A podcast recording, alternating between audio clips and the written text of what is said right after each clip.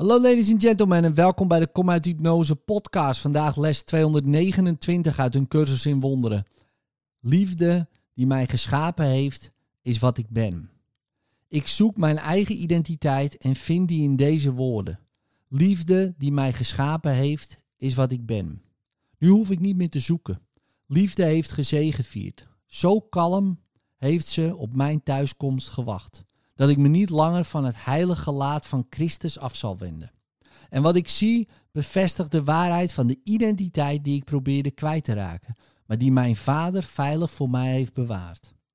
Vader, ik dank u voor wat ik ben, dat u mijn identiteit onaangetast en vrij van zonde hebt bewaard, te midden van alle zondegedachten die mijn dwaze denkgeest verzonnen heeft.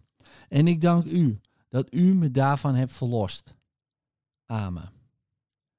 In liefde, tot morgen.